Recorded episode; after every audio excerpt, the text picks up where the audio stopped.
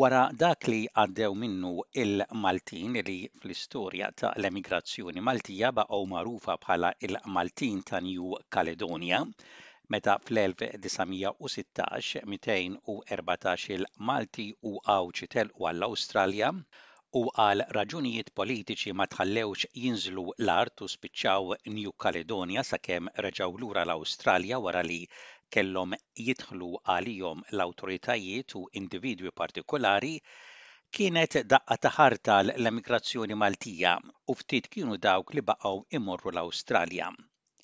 Illum Mark Caruana, riċerkatur ta' l-istorja tal-Maltin fl-Awstralja jitkellem dwar dan il-perjodu.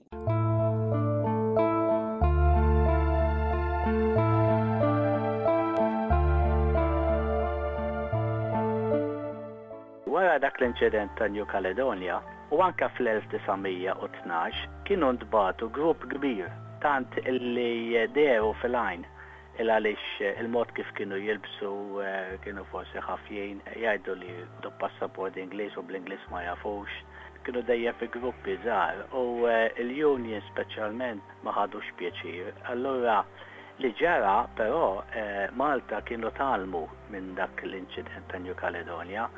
Allura kienu, pereżempju, meta jkun hemm vapur għall-Awstralja, Ibda biex ma kienx jibgħat numru kbir, forsi kien ikun l-iktar l-iktar 30, 40, u kienu jitqassmu min hu Sydney, min hu Queensland biex ma jagħtux fil-għajn, kienu tgħallmuha dik il għaliex meta niżel grupp kbir u mbagħad dawn ma jistgħux isibu x-xogħol u ma jafux, kienet reklam ħażin u kienu jagħtu fl-għajn.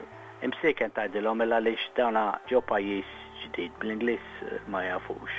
Numru kbir biex tassorbih sibu xogħol mill-ewwel kien diffiċli. Allura mbagħad hekk bdew jagħmlu bdew jibgħatuhom ftit ftit.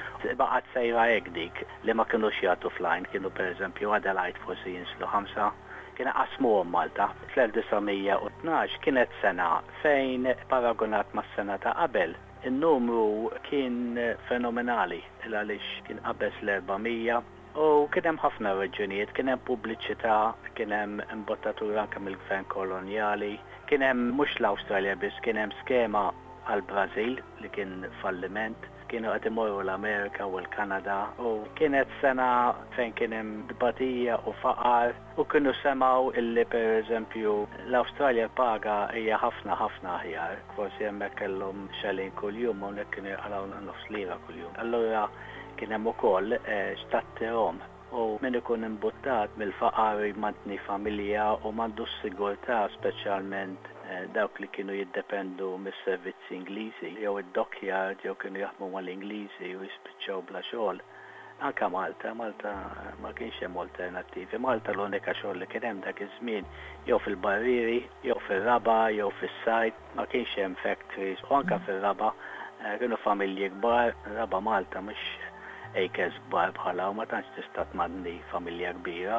Pereżempju, jien żar xi ħadd li kien l-Awstralja forsi jagħmel sentejn tlieta, mġie qabel. Huwa jħajjar lil xi ħadd mir-raħal tiegħu jew lil tal-familja, il-għaliex anke f'dan il-grupp dejjem kien ikun hemm xi ħadd li jew kien hawn qabel u forsi kien jaf ftit bl-Ingliż iktar mill-oħrajn.